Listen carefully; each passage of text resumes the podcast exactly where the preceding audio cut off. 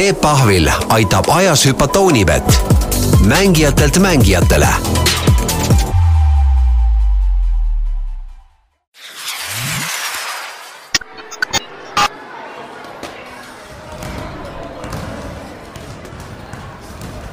Tervist, eetris on Peep Pahv ja hüpet järjekordne saade ja seekord on ülihea meel tervitada stuudios seitsmekordset laskesuusatamise maailmameistrit Kaia Parvet, tervist.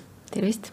ma pean tunnistama, et olen aasta aega umbes üritanud sind siia meelitada, lõpuks on see korda läinud, nii et selle üle on, on väga hea meel ja ma usun, et kuulajatel-vaatajatel on, on, on sama hea meel no,. loodame.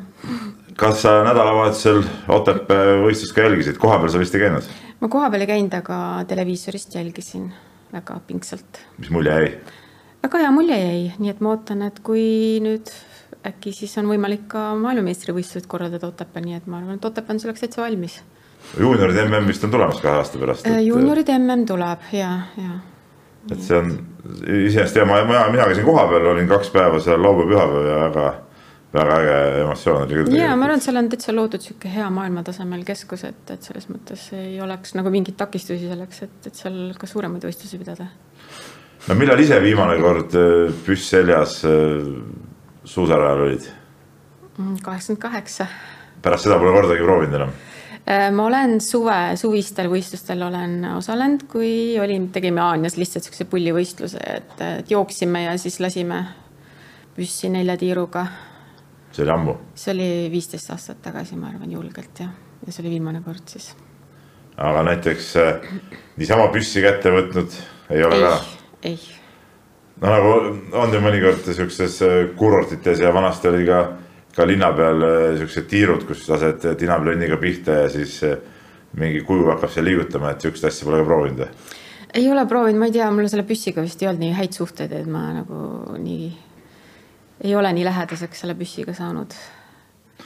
no see püss tuligi nagu hiljem tegelikult, et ega see spordi tegemine hakkas ikkagi ju tavalisest suusatrennist pihta ja ma natuke vaatasin, mis spordileksikon ka kirjutas, et suhteliselt noored vist ikka seitsmeaastaselt juba läksid suusatrenni või? ja juba enne kooli tegelikult olin. kuidas üks, kuidas üks Tallinna tüdruk läheb, nii väike tüdruk läheb, mõtleb, et ma tahan suusatajaks saada?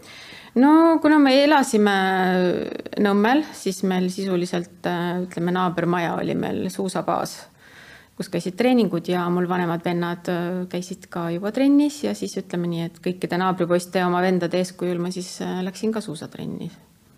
tahtsid väikse plikana vendade sabas sörkida? noh, eks ta nii, nii kukkus välja küll jah. hakkas kohe meeldima või? ja ma arvan küll. sest noh, mul oli niisugune hästi sportlik perekond, et tegelikult ma juba mingi neljapooleselt sõitsin oma esimese maratoni Keilas Tallinnasse suuskadel, nii et küll isa suusakepi järel, järel lohisedes, aga, aga, aga ikkagi nii, et ütleme nii, et sündisime suusad jalas seal kõik.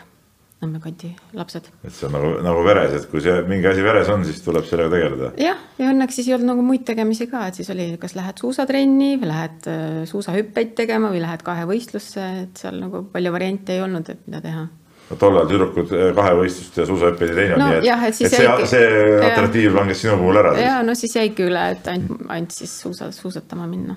kas ütleme vahepeal mingeid muid spordialasid ka kuidagi sisse trügis, tekkis mingi mõte, et ma ei tea, läheks nüüd kergejõustikusse või, või tennist mängima või? ma käisin tegelikult ujumis, ujumistrennis käisin kuni neljanda klassini ja siis hakkas nagu suusatreeninguid see segama ja siis ma jätsin ujumise, jätsin järgi see ujumine noorena on ikkagi ilmselt väga kasulik. on ja, ja. seda on väga paljud rääkinud, kuidas nad noorena ujumas käinud ja siis läinud sealt nagu edasi muu ala peale või muu ala kõrvalt. ja meil noh, tegelikult ujumine oli meil nagu üks treeningosa ka suusatamises, nii et tegelikult oli see ujumine nagu väga kasulik. suudad praegu ka kroolida? jah, ikka. no sa, nagu me siin eetriväliselt rääkisime, siis palju aega oled Hiiumaal, et, et seal on ilmselt ujumisvõimalus ka päris head või? No seal ujumisvõimalus on meres, et. aga meres ei meeldi ujuda või? meres mulle väga ei meeldi ujuda. laine ei sobi? ja, järves meeldiks rohkem. nii et jah. okei okay,, aga muidu sporti praegult teed ka ikkagi trenni, liigutad kuidagi, hoiad ennast vormis? jaa, hoian ennast vormis, käin jooksmas, jalutamas, suusatamas, üleeilegi veel Hiiumaal suusatasin, nii et seal on väga, Palukülas on meil väga äge kunstlumerada on seal olemas, nii et siiamaani saab seal suusatada, nii et tänud meestele seal tehtud töö eest, et väga tublid on igastahes olnud. aga lähme siis jah, sinna lapsepõlve tagasi, et, et kui äh, suusatamine pihta hakkas, kas sa mingi hetk siis tundsid ka, et, et see ala nagu sulle loodud, et äh, tulid asjad hästi välja kohe, suusatamine ei ole nüüd iseenesest ju, ju kerge spordiala, see nõuab teatud koordinatsiooni ja asju, et, et, et see sulle sobib hästi no alguses ju oli see klassika stiilis, eks ole, no siis noh, tegelikult me hakkasime kõik sporti tegema sellepärast, et meil oli nagu, nagu väga hea punt oli ja see punti, pundis treenimine, see nagu kannustas äh, omaette. ja, ja, ja võib-olla ma ei tea, mul tuli võib-olla äkki hästi välja ka see noh, ma ei tea, ma olin suht niisugune kangekaelne, võib-olla ka mingil määral ambitsioonikas, et ikkagi tahtsid, kui võistlused olid, siis tahtsid ikka seal eesotsas olla, kui, kui taga lohiseda ja siis ja treeningud olid muidugi ka sellised noh, huvitavad, et ikkagi saime igal pool, igal pool nagu käia ja. ma saan aru, et tahtsid alati võita, et kui sa väikse tüdrukuna ei võitnud, mis tegid siis? ei nutnud, ütleme niimoodi, aga noh, eks sihukest mingi sportlikku viha ikka tekitas see. kas äh, tüdrukute kohaseid mänge õnnestus ka sihukese trenni või spordi tegemise kõrvalt mängida, et nupukesi riidesse panna ja seal, ma ei tea kodu mängida või, või võtsid need trennid kohe lapsest peale nii palju aega ära, et, et midagi muuks, muuks võimalust ei jäänudki? no ega seda nukkudega mängimist väga palju ei olnud vist kuni kooliajani võib-olla oli, aga pärast olid ikkagi, ikkagi muud huvid, et kool ja trenn ja. ja siis noh, käisin veel kunsti, kunstiklassis ja käisin veel, üritasin kooli kõrvalt veel igasugu muid harrastusi seal, käisin kannelt mängimas ja, ja rahvatantsus ja ja ühesõnaga tegin, tegin seal igast asju, et olin suht aktiivne seal koolis, kooli lapsepõlves. no selle peale peab kohe vahele küsima, et kas praegult äh, kannelt suudaks ka tõmmata veel või mm,? ei vist mitte aga joonistada kunstiring? Äh, no joonistada ikka, ikka võin jah. lapselapsega koos siis ikka vahest joonistame andekas inimene, nii palju asju oskab teha, oskab suusatada ja joonistada ka yeah.. et see on, see on juba omaette, omaette oskus. Äh, kas mäletad oma esimest võitu ka või? Lapsepõlves või? jah. väga ei mäleta. et äh, aga mingid, ütleme, on sul üldse mingid mälupildis äh, mingeid lapsepõlvest võistlusi, ütleme või noh, ütleme, kui sa juba trennis käisid, eks ole, et, et, et mingid võistlused olid, et kuidas, kuidas seal läks või kuidas see võistlus tollal üldse välja nägi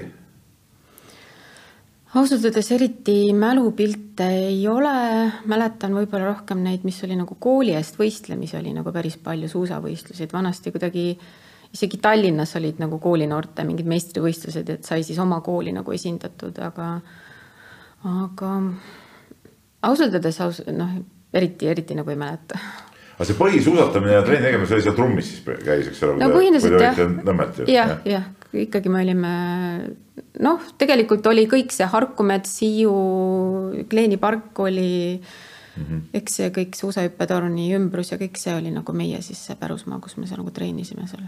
no mis suuskadega toona sõideti, et kas äh, äh alguses olid puusuusad, ma kujutan ette, et ega plastikuid vist väikestele lastele ju alla ei antud, sel ajal polnudki neid eriti. ja alguses olid puusuusad, siis olid poolplastikud ja siis hiljem tulid siis plastikud, nagu see areng on siis olnud suusatamisest kas trennis pandi nii-öelda kukekad kohe peale või, või pidi mingi esimese klassi tüdruk sõitma kanna tagant rihmaga veel või?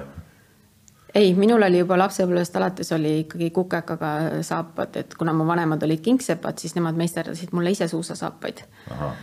Ja nii et mina nagu selle kannarihmaga või sellega ma ei ole, ei olegi veel kunagi sõitnud, nii et mina sain kohe omale suusad. mina oma lapsepõlvest mäletan, et mul oli olid ka noh, siuksed vanad suusad olid ja siis oli see auto sisekummist vist oli minu arust see kumm. isa mhm. lõikas välja ja siis see käis nagu panid oma potikuga jala sinna sisse ja siis tõmbasid kanna taha selle.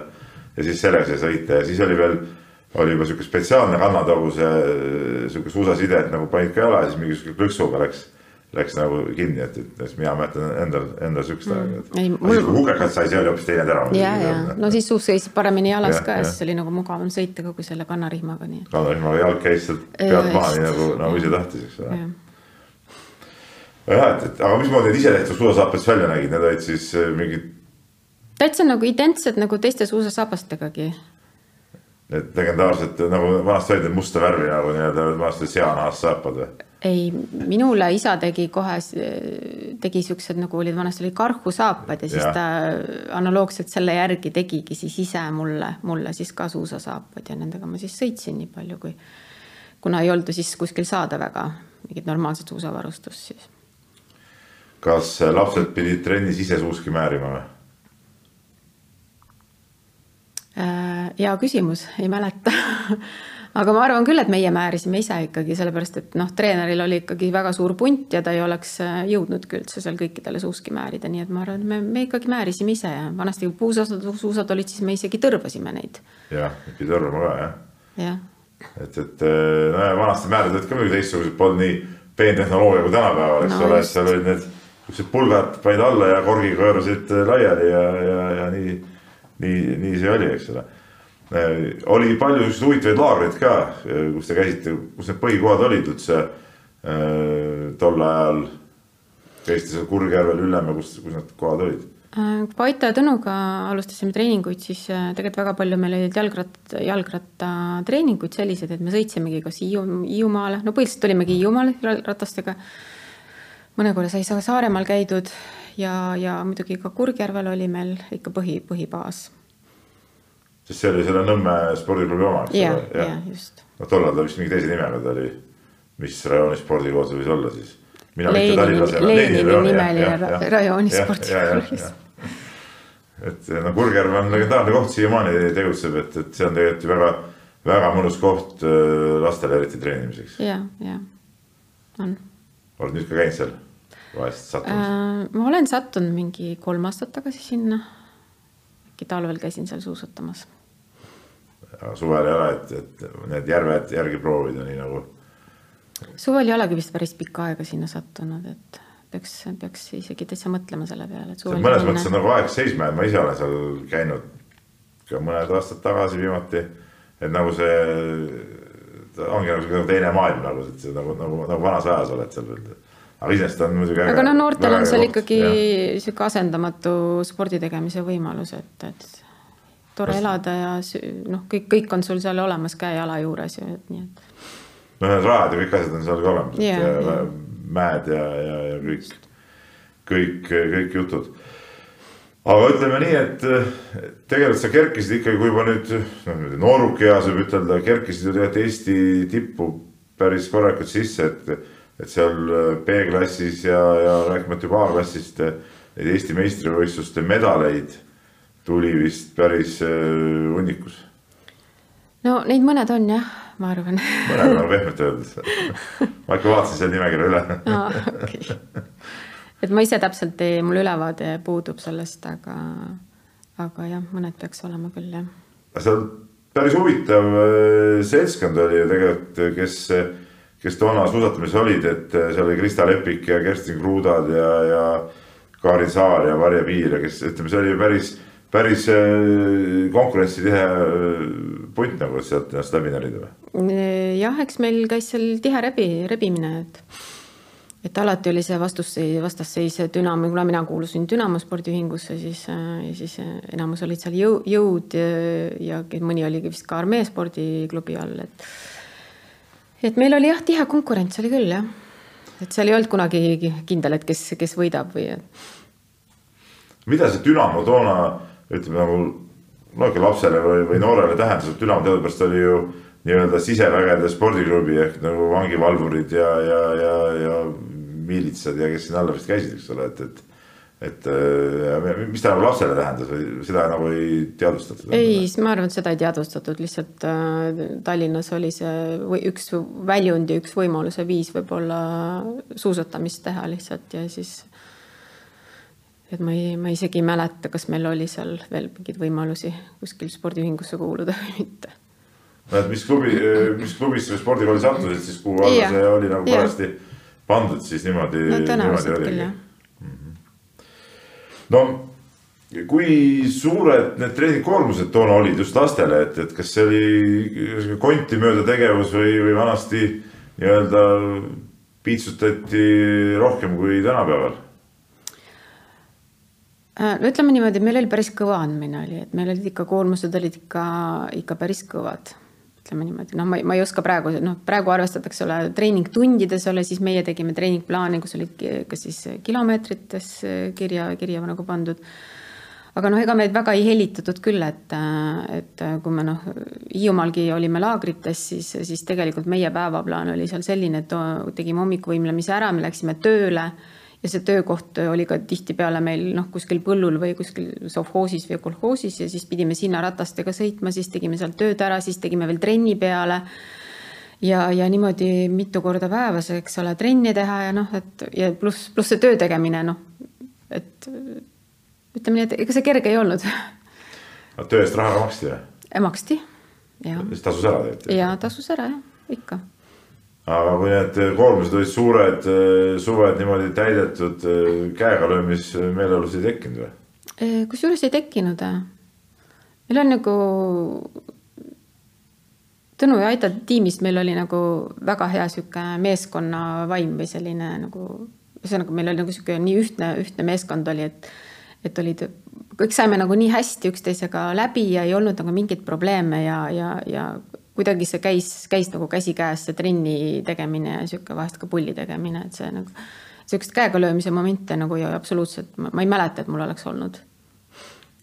nagu tänapäeval äh, spordilaagrites ka püütakse nagu lastele ikkagi ära organiseerida see päev ja seal mõeldakse õhtul igast äh, programme ja mänge välja, et kas, kas tol ajal ka niimoodi oli või, või pidite ise hakkama saama iseenda või, või siis need Tõnu ja Aita sisustasid teil õhtud ka ära? me ikka sisustasime ise oma päevi pigem, et võib-olla kui olime Kurgjärvel laagris, siis, siis äkki olid mingisugused äh, kultuuri eest vastutavad isikud seal, et kes mingeid, mingeid programme või asju seal tegid, aga muidu, muidu on tegelikult me oleme ikkagi ise nagu sisustanud, sisustanud oma päevi ära. ja vahest ka Kurgjärvel ka öid, kus me käisime õunaraksus ja igast muid asju tegime, nii et ega me ei ole ka väga eeskujulikud sportlased kogu aeg olnud, nii et. Liiga eeskujulikud ei jõua vist kuhugi? no ei oska öelda, eks Pätus sai ka natuke tehtud, aga. arvestades, et sa oled seitsmekümne maailmameister, siis võib-olla natukene äkki pehmelt öeldud või mm,? Pätuste kohta ma mõtlen no midagi hullu ka ei olnud, et äh, aga noh, lihtsalt väikseid pättusi ikka nooruses sai tehtud äh, kas tollal ütleme, oli palju ka siukest koolist äraolekut seoses spordiga, et, et noh, olite laagris, võistlustel või, või oli see asi ikka üles ehitatud nii, et kui oli koolipäev, siis koolipäev tehti ära ja siis mindi trenni, et, et. me olime, me olime ikkagi väga palju laagrites ja, ja laagrites õppisime, nii et meil olid kõik õpikud kaasas ja, ja me pidime ikkagi väga palju, väga suur rõhk pandi ikkagi õppimisele, nii et õppimist ei tohti kunagi nagu unarusse jätta see oli, oli ka nii, et eh, kui hinded ei olnud korras, siis starti ei lastud või? No päris nii ei olnud, et eh, ise pidid selle eest vastutama, et hinded korras oleksid, nii et. et, et me ei, ma ei mäleta, et sellega nagu probleeme oleks olnud, et pärast, pärast sai jälle õpetajatele järgi vastatud ja. kas te sattusite Eestist välja ka mõnikord, kui juba noorteklassis, et, et ütleme seal oma punniga läksite, ma ei tea, kuskile Venemaale või, või kuhugi treenima, et, et oleks paremad tingimused või, või toa? no nooruses me ei käinud väga kuskil väga, väga väljas. Ma, ma isegi ei mäleta, minu meelest. Äh, äkki, äkki kuskil oli mingi võistlus, mingi, kas äh, Pionierskaja Pravda oli vanasti sihuke selline võistlus ja. oli, et siis, siis äkki ma mäletan seda aega, et siis, siis me käisime vist äh, võistlemas, aga, aga ma isegi ei mäleta, kus kohas see oli. no aga liidu meistrivõistlustel ju ka jälle ma vaatasin kuulsat internetti, eks ole, ja kaheksakümne esimesel aastal äh, olid see liidu meistrivõistluse hõbeteatesõidus Dünamo. ja, ja no see oli, see oli juba hiljem, et ma mõtlesin, mitte päris lapsepõlves. nojah, aga kaheksakümmend üks, siis said ka ikkagi alles ju noh, nooruk ikka veel nii-öelda. nojah, seitseteist. jah ja. ja.. see on ju A-klass, eks ole, ilmselt oli -hmm. tollal, tänapäeval mõistis U kaheksateist. vist nii võib olla, jah eks kuskil mälus hoopis midagi nagu on, aga, aga selle meeldetuletamisega on ikka väga suured raskused nii et. Ma küsin vahele, kus need medalid sul kõik on, kuskil kodus kar karbi sees või on üldse aimu, kus need võivad asuda? mõned on äh, vist karbi sees, aga on äh, Tartu spordimuuseumis on. no need suured medalid ja ma mõtlesingi, need, jah. aga need siuksed Eesti omad ja need aga need on vist vanemate juures mul kõik kuskil kapis. ei käi neid vahest vaatamas? mul on sihuke kristall, sihukene vaas, selline suur, et nad vist peaks olema kõik selle sees, kui ma mäletan hästi. aga ma ei vaata neid jah. et kui isegi kui lähed mööda, siis paned silmad kinni jah Jah. ei vaata. tollas näiteks oli palju medaleid ka nii, et äh, olid karbi sees medalid või ilma, ilma lindita, eks ole või? ei, pigem on ikkagi enamus, enamus olid ikkagi Lindiga. nagu lindiga jah. sinna kas mingid märgid käisid veel juurde või ütleme, kui juba liidukatel said mingi medali, siis käis ju mingi liidumeistri mingi märk oli veel ka eraldi. jah, siis kui liidu teneliseks meistersportlaseks no nagu said, siis siis siis said märgi ja, jah, jah. ja punased, punased kaaned ka veel pealekaubu, nii et no kujuta ette, neid aukirju ja diplomeid ja neid on ikka ka äh, omajagu. natukene, natukene on jah. aga mitte nüüd, mitte nüüd üle mõistuse palju jah. diplomeid vist pigem on jah. no aga äh, sihuke teismelises eas, ütleme praegu on ju spordis tihtipeale see probleem, et siuksed viie, kuue, seitsmeteistaastased tüdrukud kipuvad spordist ära kaduma. et ähm, kas endal ei olnud siukseid, kuidas ma ütlen nagu, nagu kriisihetki, et noh, ma ei tea, poisid löövad pähe või, või mingi muu elu või et, et ei, et, et suusatamine oleks võinud nagu ikkagi kuidagi nagu ära, ära kaduda Äh, ei mäleta, et oleks olnud mingeid selliseid kriise. Ma ei tea, millest see tingitud oli, võib-olla, võib-olla oligi tingitud sellest, et meil oli nagu niivõrd hea punt, et, et patt oleks sealt pundist nagu minema minna lihtsalt, et, et kuidagi nii kergelt ei antud alla või et äh, nende treeningud, võib-olla ka tänapäeval on see, et võib-olla need treeningud äh, on nagu nii rasked, et, et, et selleks, et jõuda tippu, et, et kui sa neid raskeid treeninguid nagu ei karda, et siis, siis on ka see tippu jõudmine võib-olla võimalikum nagu lihtsamalt aga siis ei olnud rasked või? olid, olid küll rasked, no see oligi see, et kes, kes kartis neid raskeid aa, treeninguid okei, okay, ja jah. kes ei kartnud neid raskeid treeninguid mm, -hmm. et ma arvan, et selles ongi see probleem praegu, et aga kas, kas sa nautisid seda, kui on raske trenn või ütleme, et kui ma ei tea, ennast pildituks eh, sõitmist, no trennis on vaja ka ju teha seal, ma ei tea, on see mingi lõigutrenn või, või sihuke noh, tõmbad, tõmbad ju ennast ikka täitsa, täitsa punasesse, et, et on see, on see mõnes mõttes nauding, mida, mida on vaja nagu uuesti uuesti kogeda või? ma ei tea, kas ma seda uuesti kogeda tahaks, aga ma ei tea, siis äh, tol ajal nagu see ei olnud nagu probleem, et pigem nagu meeldis trenni teha. et kui sa, kui sa tegid trenni, siis sa pärast nagu nägid nagu võistlustel seda tulemust, et mis see trenn sulle nagu andnud on, et, et kuidagi see nagu innustas ja kannustas võib-olla siis ikkagi jätkama, ma ei tea, miks ma ära ei lõpetanud varem no sa lõpetasid niigi vara, sinna me veel jõuame. aga, aga ütleme, see võidusoov siis oli see põhimotivaator ikkagi, mis, mis toona seda spordi tegemist taga ajas. ma arvan küll, jah. no selleks peab olema ka natuke eriline inimene, kes, keda see võit nii kõvasti motiveerib, et, et ilmselt nendest tulevadki ikkagi välja siuksed noh, tulevikus päris võitjad või? ma ei oska seda öelda, ma arvan, et küll, no kindlasti peab olema seal mingi suur motivaator ja ambitsioonikus selleks, et sa, et sa, et, et üldse nagu sporti teha, sest noh, meie ju käisime väljas üldse nagu nii vähe võistlemas, eks ole, meil põhiliselt ku- kujuneski selle, et me tegime ainult kogu aeg trenni, trenni, trenni ja siis sa üks kord aastas said siis MM-il näidata, milleks sa siis nagu võimeline oled, eks ole, noh, see oli ka nagu selles mõttes nagu nüri, nüri, nüri nühkimine, eks ole, et no ja tervikuna üldse, kas ütleme suusatrenn või vastupidisala-trenn on oma olemuselt, ongi natuke nüri ju, et, et, et nagu seda mahtu pead ju tegema, sa pead No lihtsalt nagu sõitma, sõitma või jooksma või väntama või, või seda tegema, et, et ega seal ju, ju sihukest erilist emotsiooni ju, ju sees ei ole tegelikult, et kuidas seda, kuidas seda rutiini üldse taluda? Ähm, ju siis see sisemine motivaator on ikkagi see, mis sind motiveerib seda, seda tegema, seda, seda, ennast, ennast piitsutama lihtsalt niimoodi ja, ja, ja, see, et kui sa oled endale eesmärgid seadnud, siis, siis noh, kas sa loobud nendest või siis, või siis püüdled nende poole, et eks seal on kaks varianti, et ja siis selleks, et sinna eesmärkideni püüelda, siis tuleb ka selleks vaeva näha.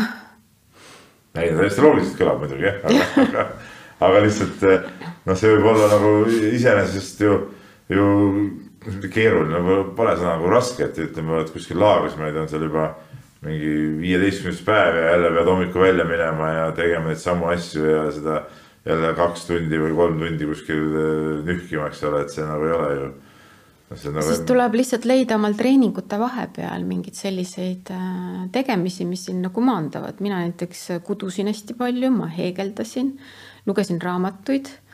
et, äh, et tegelikult see maandab nagu päris hästi neid pingeid ka, nii et äh, ühesõnaga treeningud minu jaoks ei olnud raske, mul ei olnud nagu raske treenida. sa oleks võinud isegi nagu munk juurde panna, jah? jah, tegelikult küll Äh, räägime natuke Aita ja Tõnu Pädukesest ka, et, et äh, legendaarsed treenerid, kes äh, siiamaani noori üles tõstavad, et milles nende fenomen seisneb? no eks nemad on ka sellised noh,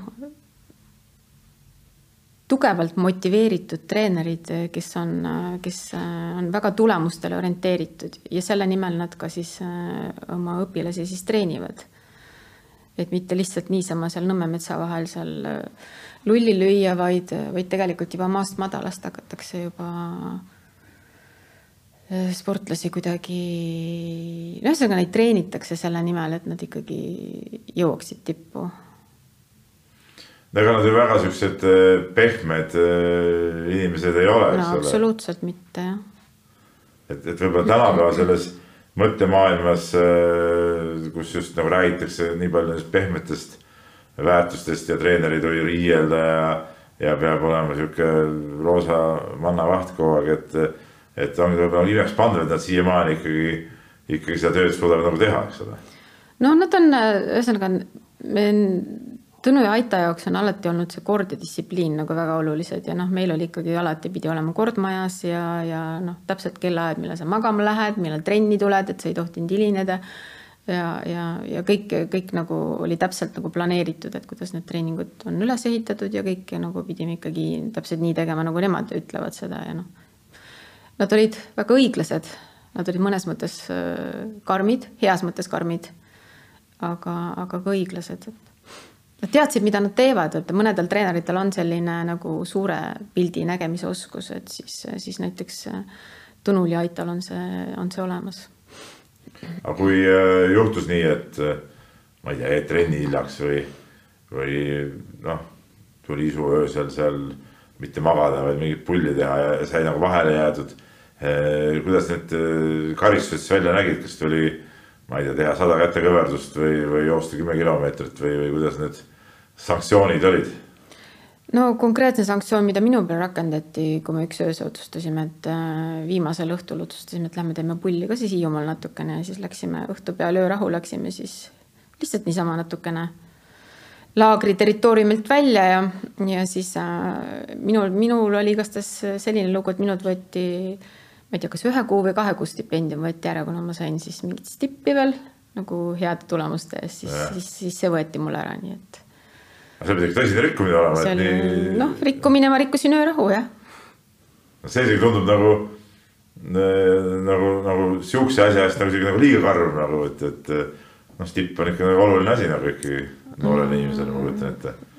jah, aga ma ei tea, ma arvan, et oli ikkagi õiglane. Ei, ma ei ütleks, et õiglane ei olnud, aga võib-olla mõni sihuke, noh, ma ütlen hommiku või, kohe seal öösel, ma ei tea, kümme kilti jooksu võib-olla oleks olnud nagu isegi kergemini no eks, eks peapesu oli ka muidugi selle, selles osas. aga ikka selle, ütleme, öörahu rikkumise põnevus nagu kaalus selle ülesse? ma arvan küll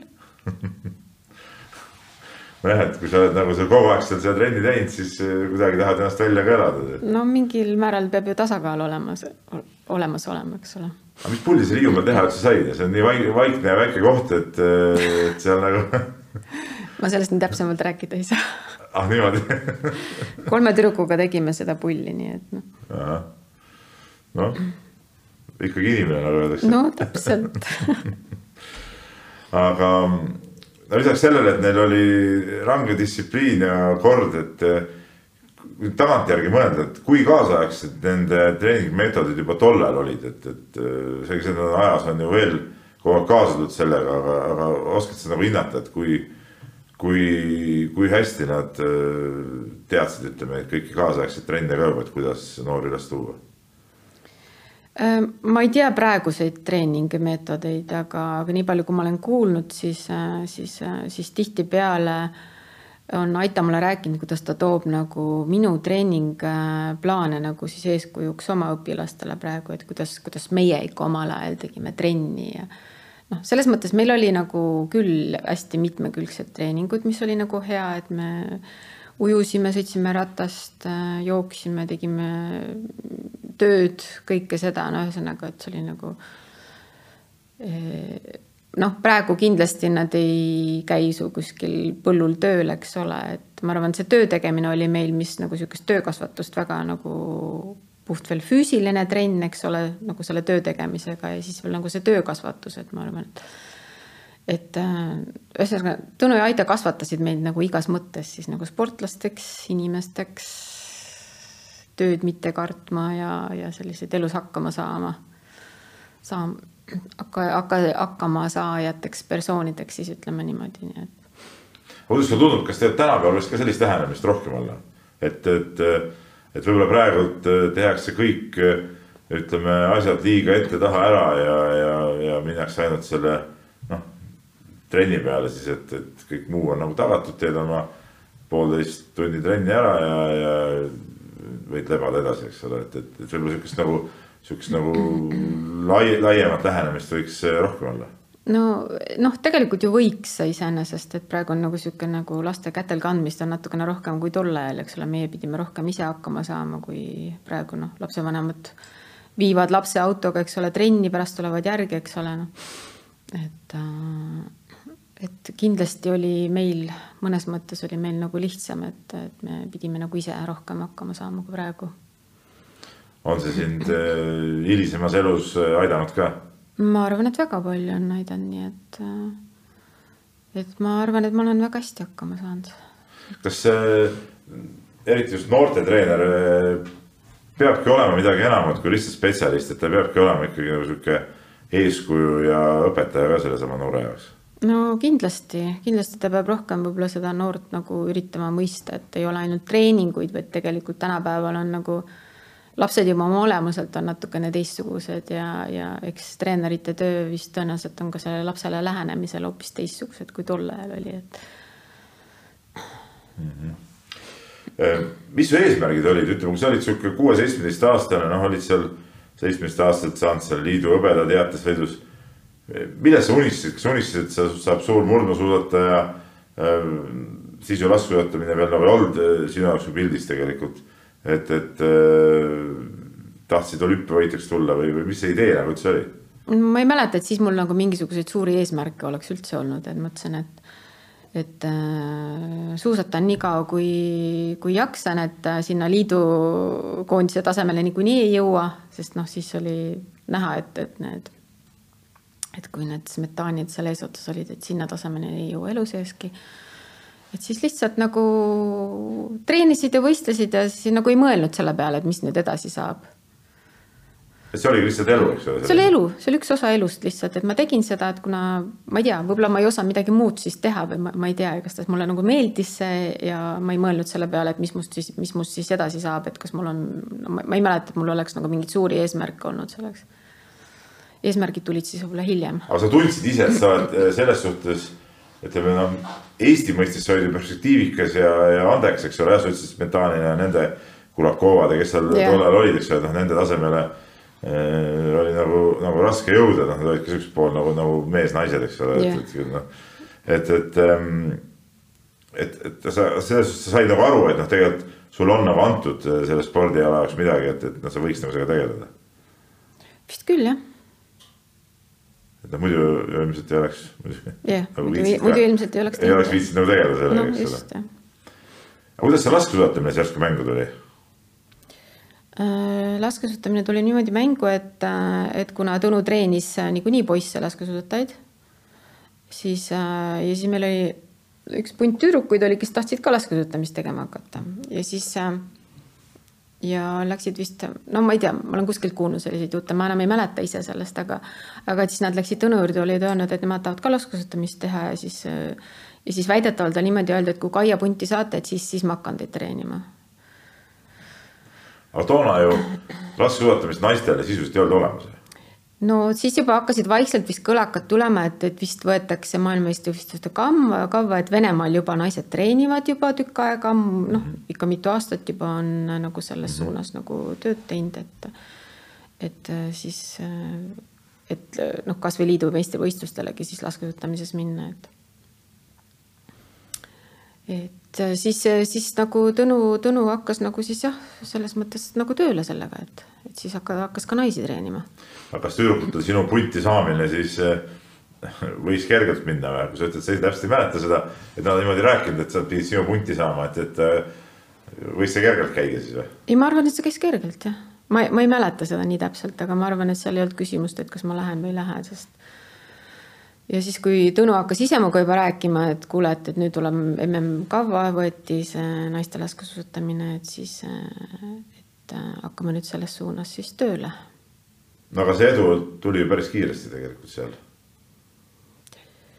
no mõne aastaga sisuliselt võib nii öelda. Äh, jah, et vist vist kaks aastat siis enne, kui ma siis sain, jah, siis olid ka kaheksakümmend neli oli esimene MM siis me mhm. hakkasime vist pihta kaks aastat varem siis nagu siis selles suunas nagu siis tööle.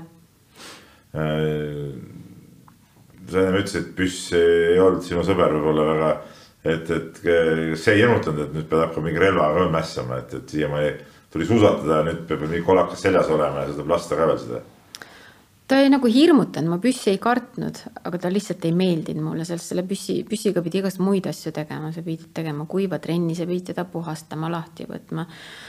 kõik noh, ühesõnaga tegelema selle püssiga. et mulle nagu see väga ei, väga ei meeldinud, et pigem võtsin teda rohkem nagu voodi all, kui siis, kui siis äh, käes. pauku ei kartnud? ei, pauku ma ei kartnud. kõva see pauk üldse kõrvas on, kui äh, laskesuusatamisel püssi lasta? minu jaoks ta, mind ei häirinud see. Ma ei, ma ei oska seda öelda, kui kõva ta on, noh, ta ikkagi on no. tuleb. see ikkagi nagu, ma ei tea, kõrvakuulmist ei, ei, ära ei võta või? ei, ta ei ole noh, nii, nii kõva, et ta kõrvakuulmise ära võtab, aga, aga selles mõttes ta ei ole ka nii hullu, et seda kartma peaks. püssihooldus lõpuks suutsid juba kinnisilmi lahti kokku panna noh, ega seal väga palju, seal oli vaja lihtsalt see lukusüsteem lahti võtta seal natuke, et see saaks puhastada ja püssitoru pidi puhastama, nii et noh. Aga laskmises sa ütlesid ka, et see kuiv trenn, et see sulle väga ei meeldi, see on ju sisuliselt ju võtad püssi kätte, teed oma plõks äh, ära ja. seisad, seisad tunde, seisad ja sihid märki ja seisad aga see, aga see on nagu, see on jälle väga oluline, see on üks, üks oluline osa treeningutest, nii et kui tahad hästi lasta, siis tuleb ka kuiva trenni kõvasti teha, nii et. ei, see on loomulik, sellest ma saan väga hästi aru. aga see tuleb veel nüri ju tegelikult. see on, see on väga nüri, see on väga nüri. Mida selle ajal siis nagu mõtelda või, või kas. siis mõtledki oma mõtteid. muud, muud mõtted ka pähe või on ainult see, et et noh, ma pean sinna sihtima, eks ole, teen ära või, või jõuad mõtelda ka, et vaat, et äh, täna võiks lõuna ajal, ma ei tea, kotletti süüa või õhtul võiks seal selle sõbrannaga äh, ma ei tea, kohvi juua või? ma ei mäleta nii täpselt, aga kindlasti vahepeal mõtlesid ka muid asju kui see, et sa mõt-, loed sekundeid iga lasu vahel või. Aga kas see suusatamine ka erineb, ütleme tavasuusatamine ja kui sul see püss seljas on, pidid sa midagi ümber ka õppima või? no ümber õppisime siis, kui me läksime klassika pealt, läksime uisu peale. jah, see no see on omaette teema, ma mõtlen sellest, et, et püss seljas on, et noh, ta, ma ei tea, kolksub seal kuidagi mingit no, nii-öelda tasakaalu või, või selle raskuskeskme jääb paigast ära. kui me klassikat sõitsime, siis oli küll niimoodi, et see püssikaba nagu tihtipeale niimoodi, et vastu tagumikku lõi, et. See nagu ergutas siis, et said nagu jah, said nagu kogu aeg laksu vastu tagumikku, et sõida kiiremini. aga no ei mäleta niimoodi täpselt, et äh, ei mäleta, et mingi nagu suurt probleemi sellega oleks olnud, et. seda aega mäletad, see vist, ma ei mäleta, millal see täpselt oli.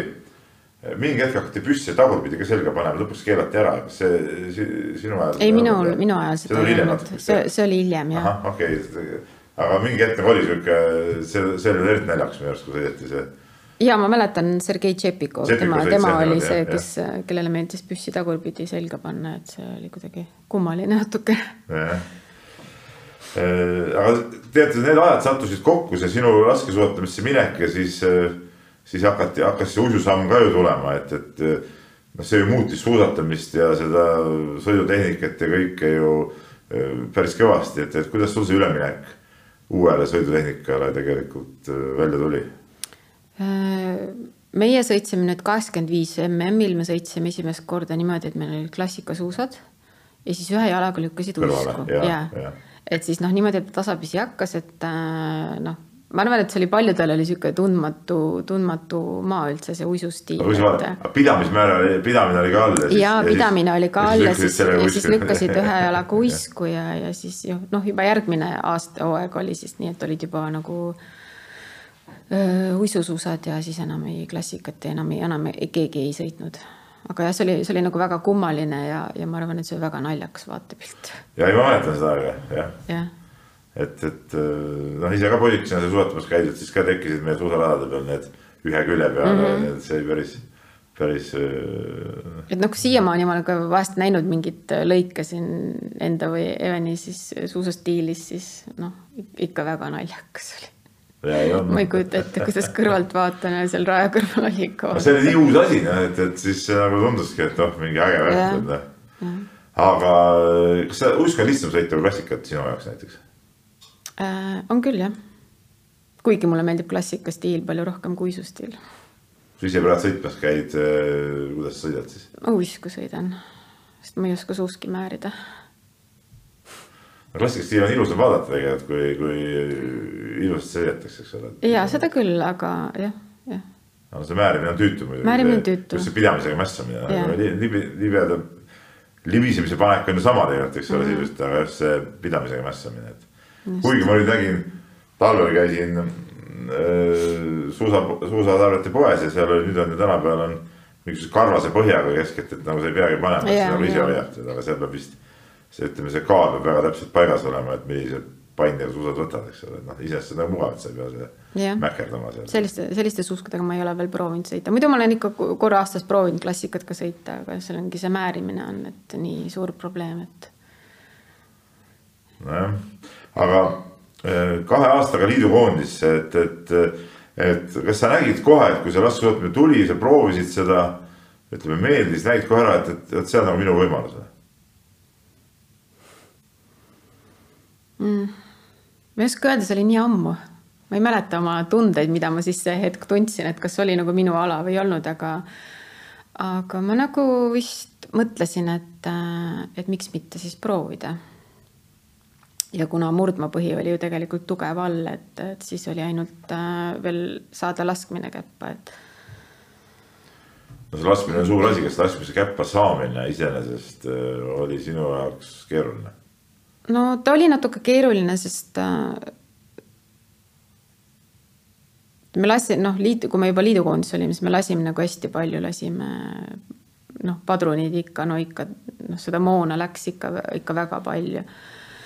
Et äh, ma arvan, et ma ei, ei saanud laskmist kunagi niimoodi käppa, et ma oleks äh, saanud mõned noh, niimoodi, et oleks ühe võistluse ainult nullidega saanud, et mul minu meelest ei olnud vist ühtegi võistlust sellist, kus ma oleks kõik tiirud nullid saanud, et ikka oli kuskil ellipses üks või kaks trahvi vahele, nii et.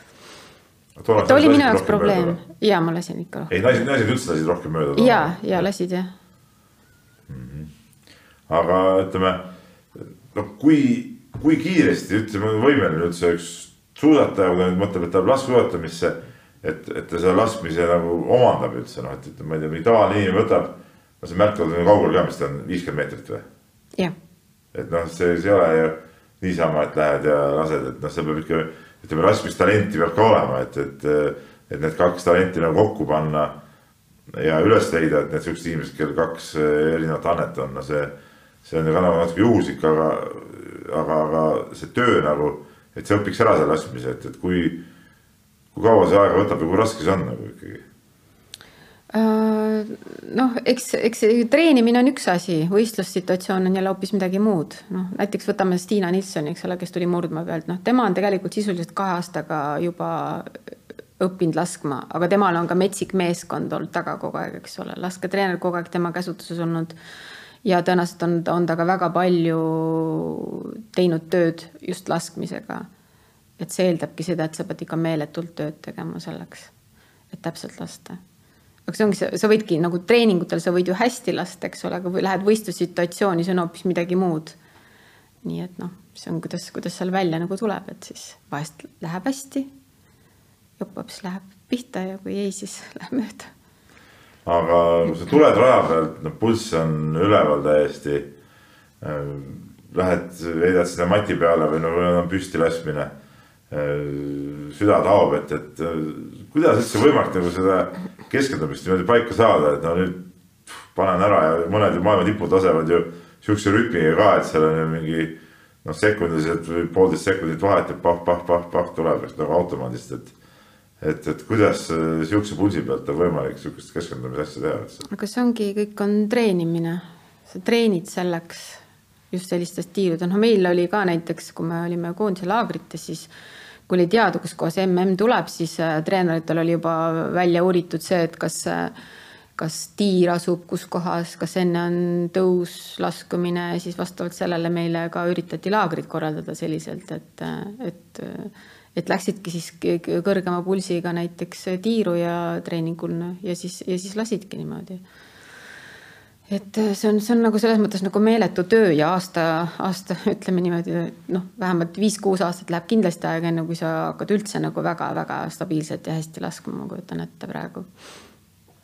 no su karjäär ei kestnudki nii kaua, et. ei minuga, minu karjäär ei kestnudki, võib-olla ma oleks siis jah, paremini lasknud, kui oleks veel paar aastat mööda läinud. kahekümne seitsme korda maailmameister, mitte seitsme. noh, kes jah, vaevalt, kindlasti.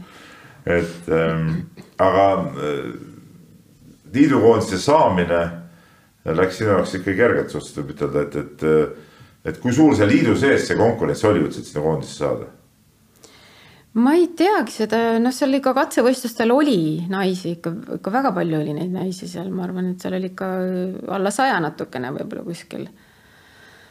ja, ja noh, ma ei tea, kas noh, ühesõnaga see, see oli nii ammu, ma enam ei mäleta täpselt, eks ole, neid asju, aga ma mäletan, et noh, et, et siis nad tulid Otepääle laagrisse ja siis Tõnu käis veel äh, rääkimas selle liidukoondise treeneriga, näed, mul on siin üks tüdruk, et äkki tahad noh, proovi, et äkki, äkki noh, oma suusakiiruse poolest tegelikult ma olin, olin nagu päris hea, eks ole, noh, võrreldes nendega, et siis, et äh, jah. aga no koondises ikkagi ka ju, okei okay,, seal oli see mingi katsevõistlused, asjad, aga, aga mingi koondis võeti kokku, ütleme, seal oli, palju, palju neid võeti.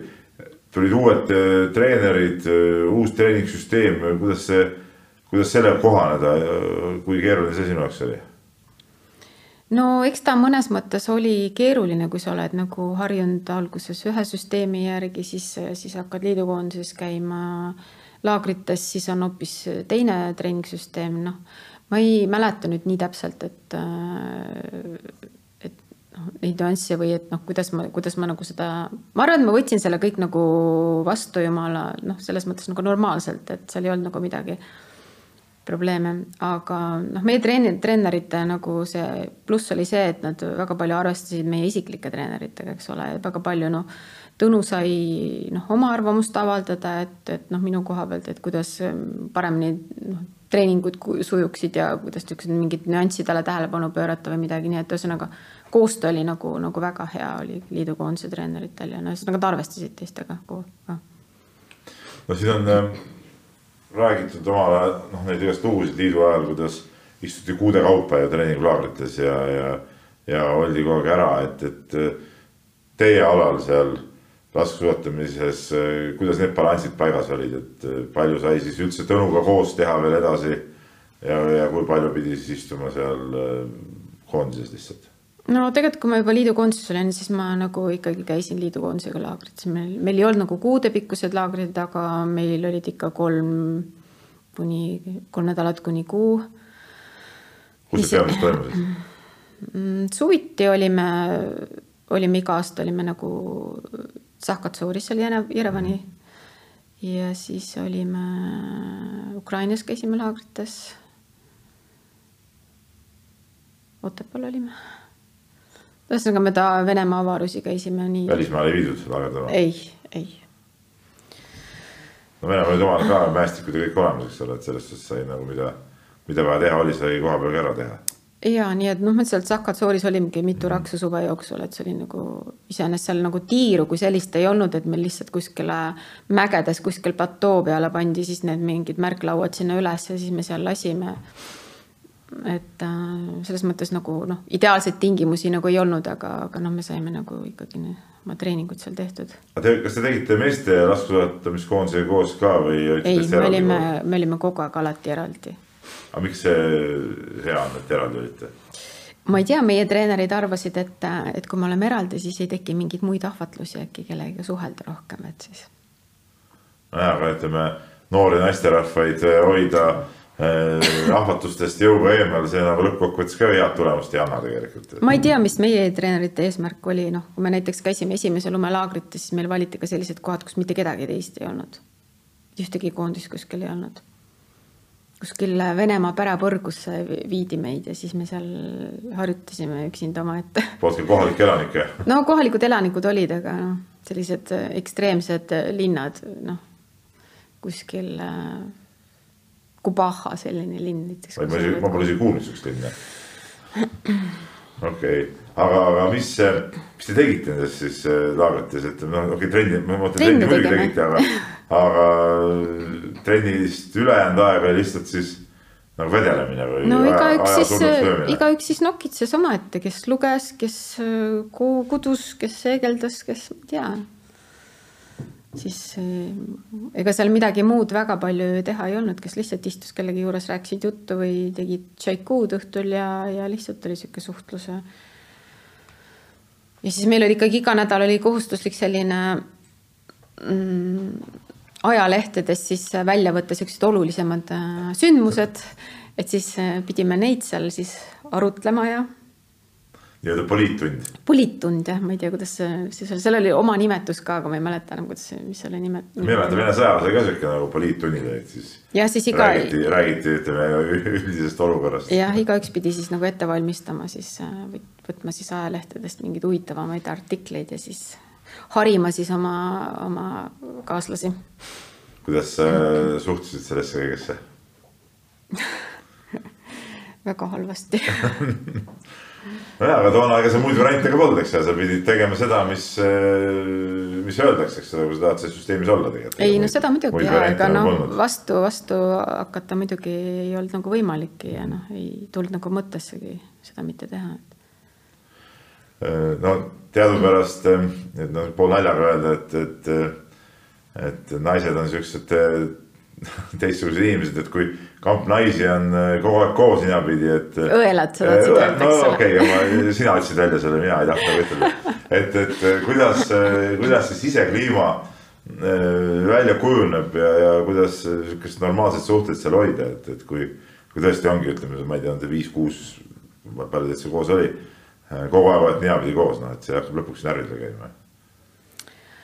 Äh, üldjuhul me nagu saime ikkagi nagu omavahel hästi läbi.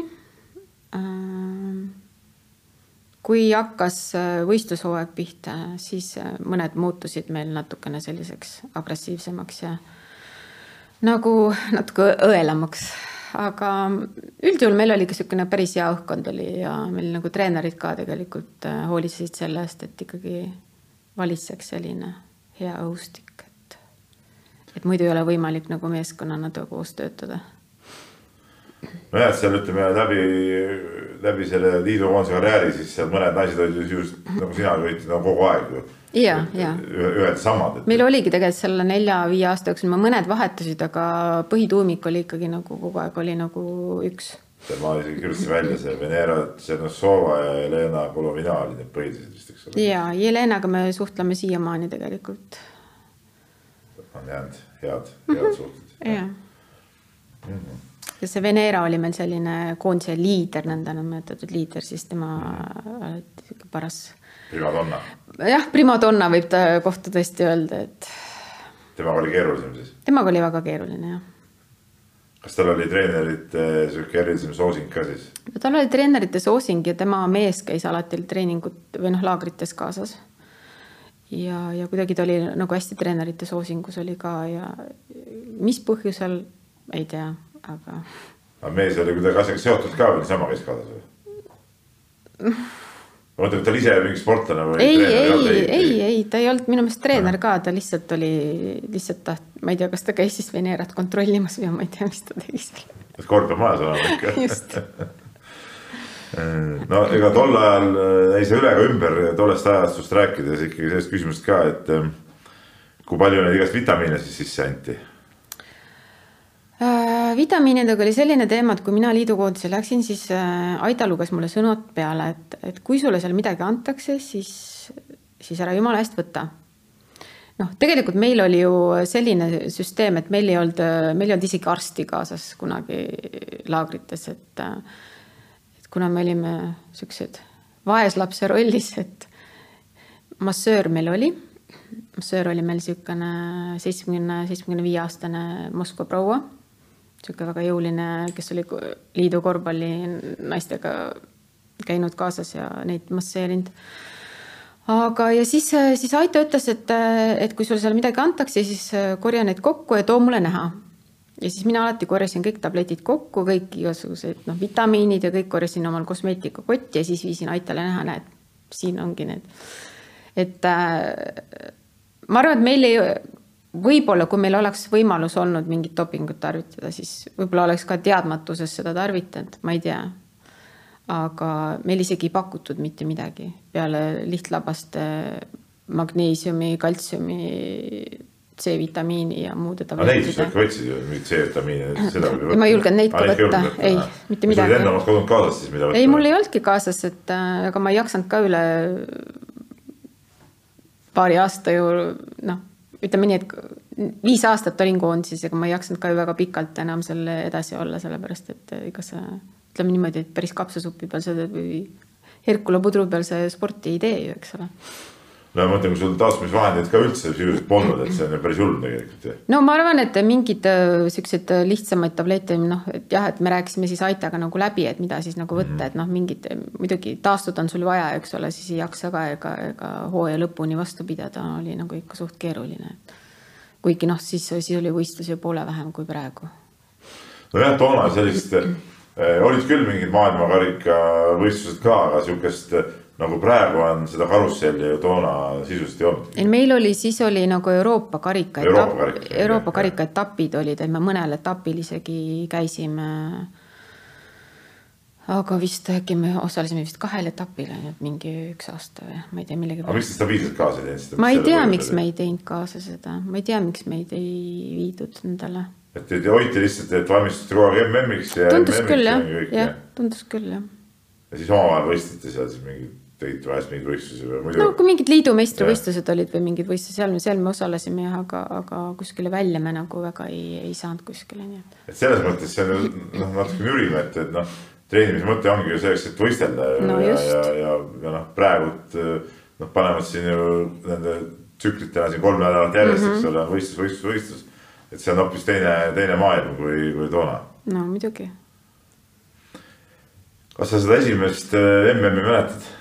Esimest maailmameistritiitlit, no see on ikka nagu erilisem sündmus elus, ma pakun. no ikka mäletan ja sa ütlesid, sa mõnda asja ei mäleta, siis ma küsin, kas sa mäletad. ja, ei ma mõnda asja mäletan, mõnda nüanssi mäletan. no mis emotsioon äh, sellega kaasa tuli, kui sa said, esimesel MM-il sa individuaalset medalit ju ei saanud, oli ei see teatrikuld, eks ole. teatris sain kulla, jah no,. mis see sinu jaoks tähendas? Äh, noh, selle teatevõistlusega oli üldse selline eriolukord, et äh, meil keeras selle, samal päeval keeras ilma niimoodi ära, et meil hakkas sihuke tihe lumesadu, kohutav tuul, no täitsa purgaad oli sinna, nii et noh, mina sain igastahes äh, püsti, sain viis trahvi teates. seepärast, et ma ei, ma ei olnud võimeline ühelegi sellele märklauale pühti, pihta laskma ja, ja ma lasingi kiirtuld ära, siis ma mõtlesin, ma ei saa pihta lihtsalt, sa seisad, seisad, noh, üritasin seista seal natukene aega, noh no täiega kõikus niimoodi püssi, et nagu absoluutselt pihta ei saa. toona varupadruneid ei olnud olid küll. olid ka? ja ikka ja, ja.. et seal kõik üritasid ja. kuidagi nagu noh, üritada nagu võidelda selle ilmaoludega seal, noh, tänapäeval oleks sellise ilmaga juba võistlus pooleli jäetud või üldse ära jäetud, aga siis noh, sa ei näe märki, sa ei näe mitte midagi lasta kuskile, no ma ei kujuta ette, mõni sai seal tõenäoliselt pihta ka huupi panna, aga noh mina teates ei saanud ühtegi märki pihta, nii et. aga võit ikkagi tuli. kuidas üldse naiskonnad või naised sihukest võitu tähistavad, no mehed noh, teame vanal ajal nii-öelda kassid oma medalid ära ja, ja, ja asi korras, eks ole, noh, kui võistlus läbi lõpuks oli. ja kuidas naistel see asi käis? Hea küsimus, ma arvan, et meil ei olnud nagu erilist sündmust sellest, et ma ei mäleta, et meil oleks nagu mingi õudne eufooria või mingi. no maailmameistrid ikkagi. no ja, aga no need maailmameistrivõistlused tundusid ka siis oleks nagu rohkem nagu külavõistlused olnud, et seal ei olnud mingit sihukest suurt publikut või no esimesed võistlused olidki Prantsusmaal Chamonix. et seal nagu seal oli nagu nii vähe publikut, et seal oli isegi sellist tunnet, et oleks nagu MM-il võistleks kuskil, et noh, seda, seda ei andnud nagu võrrelda sellega, mis, mis, mis praegu on, võib-olla, võib-olla annaks võrrelda, noh, praegu kui olid tühjad tribüünid, et võib-olla meil olid, meil oli umbes analoogne võistlus, et. nojah, aga te olite ju, nagu juttu oli, eks ole, et te treenisite nende MM-ide nimel, see oli esimene MM üldse, ka üldse esimene mm -hmm. MM naistele, kus sa käisid ju. et, et kui sa oled aasta aega selle nimel tööd teinud ja siis võidad, noh no kuidas emotsiooni ei ole, no see on see publik ei no tõenäoliselt oli. pidu iseenesest peaks ikka nagu olema no,. ma ei mäleta, et meil pidu oleks väga olnud, aga kindlasti treener olid rõõmsad, et me ära võitsime, selles mõttes küll jah, aga noh, ma ei mäleta, et mingit suurt tähistamist oleks olnud või midagi siukest, et. siukse tublile nõukogude sportlase oma, et sihuke vaoshoitud olek nagu. nõukogude sportlased pididki olema hästi vaoshoitud ja, ja mitte kellegiga eriti suhtlema, nii et. no kui sa vaatad sealt edasi järgmised MM-id, kas, kas kuidagi see üldine pilt äh, muutus ja, ja kas ka emotsioonid kuidagi muutusid uh,? raske meenutada asju, mis oli nii ammu aega tagasi, ma ei mäleta neid emotsioone väga. aga mäletan seda, et kui seda, kui sa seisad seal pjedestaalil ja mängitakse Nõukogude Liidu hümni, siis, siis mulle see absoluutselt ei meeldinud, ma ei tea, miks. et kuidagi see Vene hümn oli see, mis häiris? mis häiris, sõna otseses mõttes mind ta häiris. ma ei tahtnud tunda ennast venelasena seal, aga ma olin nagu üks vene, üks, üks nende seast, ma olin nagu ise ka seal üks venelane, sest ma kuidagi ei, ei leppinud sellega. no sa viis korda tulid teatesõidus, kaks korda individuaalselt maailmameistriks, eks ole. kas individuaalsed tiitlid kuidagi on sinu enda jaoks erilisemad? no kindlasti on, et selle sa võidad ise sa annad oma panuse selleks, et sa saaks medali. aga teadus on ikka see, et kas sa, kas sa teed omalt poolt nagu kõik ja läheb hästi või, või võid sa nii noh, võid nii metsa oma vahetusega minna, eks ole no.. aga seal on see, et sa või võistled iseendaga, onju. et kindlasti need emotsionaalselt on need palju olulisemad medalid. no kas sa siis nende üle tundsid rõõmu, et ma ei tea, kui rõõmu välja näidata ei tohtinud, siis lõpuks, kui läksid, ma ei tea, üldse hotellituppa, siis tegid seal jess, jess kuidagi või, või...? ei no ikka võisid oma rõõmu välja näidata, aga noh. seda on raske kirjeldada praegu neid tagantjärgi neid emotsioone, et ma ei, ei mäleta neid emotsioone, mis oli. sa ei ole väga emotsionaalne inimene? ma ei ole väga emotsionaalne jah, ma olen sihuke rahulik, vaoshoitud no üks äh, huvitav seik on veel, kui ma, kui nüüd kõik klapib, et. kas see oli nii, et sa sünnitasid esimese lapse ja sisuliselt kaks kuud hiljem tulid jälle maailmameistriks või? ei. aga see on siis mingi aastate mingi viga seal spordilektsikonis või? Äh, kui ma kaheksakümmend üheksa sünnitasin omale. aa, siis seal oligi viga, seal oligi ja seal esimene, seal oli mingi vale aasta ja ma vaatasin, et see ei ole just enne kui siia tulime, kolleegiga arutasin ka et see tundub veel nagu, nagu loogiline nagu ühestki otsast, eks ole. ei, see on, see on, see on. see on väga hea, et see ka selgeks sai. ja, ja ei, peale oma tütre sündi mina enam suusarajal ei naastunud, ma veel korra mõtlesin, käisin vist isegi ühe korra tiirus laskmas ja mul oli laps oli kaasas paarikuune ja siis mõtlesin, et ei, et see ei ole enam minu jaoks okei okay,, siis selle jätame praegu kõrvale, aga tuleme korraks veel selle, selle liidukoondise ja nende, nende tiitlivõistluste juurde tagasi, et et kas, ähm, kas tollel ajastul ikkagi see liidukoondis oli selge liider sellel äh, spordialal, naisterahva suusatamises äh...? võis öelda, et seal nagu panustati kõige rohkem sellele, et see oli ka võib-olla koht, kus oli nagu lihtne, lihtsam võita nagu ma mõtlen Nõukogude Liidul nagu endal äh,. sa mõtled, et kui me nagu MM-idel osalesime? jah, et nagu esimesed MM-id, et nagu mm -hmm. uus asi, noh, ütleme panustati kõva, et, et, et, et te seal võidaksite, et muud riigid juba nii kõvasti tõsiselt ei võtnud seda Ähm, eks ma ei tea, kuidas, kuidas muudes riikides oli, et millal nemad hakkasid harjutama, aga vene naised juba harjutasid juba tükk aega enne laskesuusatamist, kui, kui mm üldse nagu kaua võeti, et sõltus ka sellest, et ma arvan, et liidu naised olid väga hästi ette valmistatud. ja nad tõenäoliselt juba tegid oluliselt varem tööd selleks, et äh, medaleid sealt korjata. aga kui te olite, sa ütlesid, et nagu vaese lapse osas natuke, et kas teil ikka mingeid kohustusi ka peale pandi, et eh, noh, vanasti liidu ajal oli teada, et noh, ma ei tea, öeldi alaliidust, et noh, nüüd peab kulla saama, kui ei saa, siis pead lendavad no ikka meil oli alati oli, alati oli kaasas eh, mingisugused poliitilised tegelased seal Moskvast või, või kuskilt äh, Valgevenest või kuskilt sellisest kohast. et ikkagi loeti enne võistlusi sõnad peale mida me tohime teha, mida me ei tohi teha, kellega me tohime rääkida, kellega me ei tohi rääkida ja muidugi, et noh, kõik medalid peab koju tooma. ja kui medalit ei tulnud, siis oli paha-paha. ja siis said sõimata, noh, mina sain ka konkreetselt äh, viimasel MM-il ma sain ikka sõimata, siis oli mingi Valgevene mingi delegatsiooni juht oli ja siis pani mulle süüks seda, et ma nagu spetsiaalselt oleks äh, halvasti võistelnud. et miks ma nii tegin. aga miks sa tegid nii? Seepärast, et ma olin jumala haige ja ma võistlesin haigest peast aga teate kulla ikka said kätte? no teate kulla me saime kätte ja siis peale seda jah, ja peale seda ma saingi nagu sõimata, siis peale siis te, meil oli kuidagi niimoodi, et oli ma ei mäleta, kas, kas siis oli ka niimoodi, et oli üks, oli siis individuaaldistants, oli teade ja siis oli sprint või oli, oli vastupidi, ühesõnaga peale mingit võistlust ma jäin ikkagi totaalselt haigeks mm. -hmm ja siis pandi mulle süüks, et, et mina ja julgen niimoodi võistelda nii halvasti. et ma nagu oleks spetsiaalselt seda teinud. aga sa olid teates ka siis äh, vilets või äh,? ei, ei, ma arvan, et ma teates ei olnud vilets. toona oli üldse kolme, kolme naise yeah, teate sõita yeah,, eks ole yeah.. oli teil seal MM-il nagu mingi ma ei tea, palju üldse korraga kaasa võeti, et oli mingi konkurents ka, kas saab üldse kolmikusse või ei saa? no ja ikka oli, meil oli ikka kas neli või viis naist oli ikka kaasas alati. aga sa iga kord said? Äh, mina sain jah, iga kord ma pidin millegipärast teist vahetust sõitma, aeg sihukest mingit töövahetust tegema, oleks tahtnud mõnikord viimasena ka tulla, et, et seda. ei, vist ei, vist ei oleks, sest ma ikkagi suht ebastabiilne laskja olin, et, et võib-olla sellepärast ka, et siis vähemalt äh, viimane vahetus suudab äkki ära siluda mu vead siis seal, kui ma midagi valesti teen. no äh, sa lõpetasid ju jah, suhteliselt vara, sa olid ju kahekümne nelja aastane, kui see viimane mm oli. et äh, kas isu sai siis nii kiiresti otsa või? Äh, tegelikult oli ka üks põhjus selles, et meil nagu treenerid vahetusid, et äh, meil löödi siis, punt löödi laiali sealt, et tulid uuest, uued, uued tuuled Moskvast ja, ja pandi uued treenerid asemele. kuigi see treener veel helistas mulle, et, et kas ma oleks nõus nagu jätkama.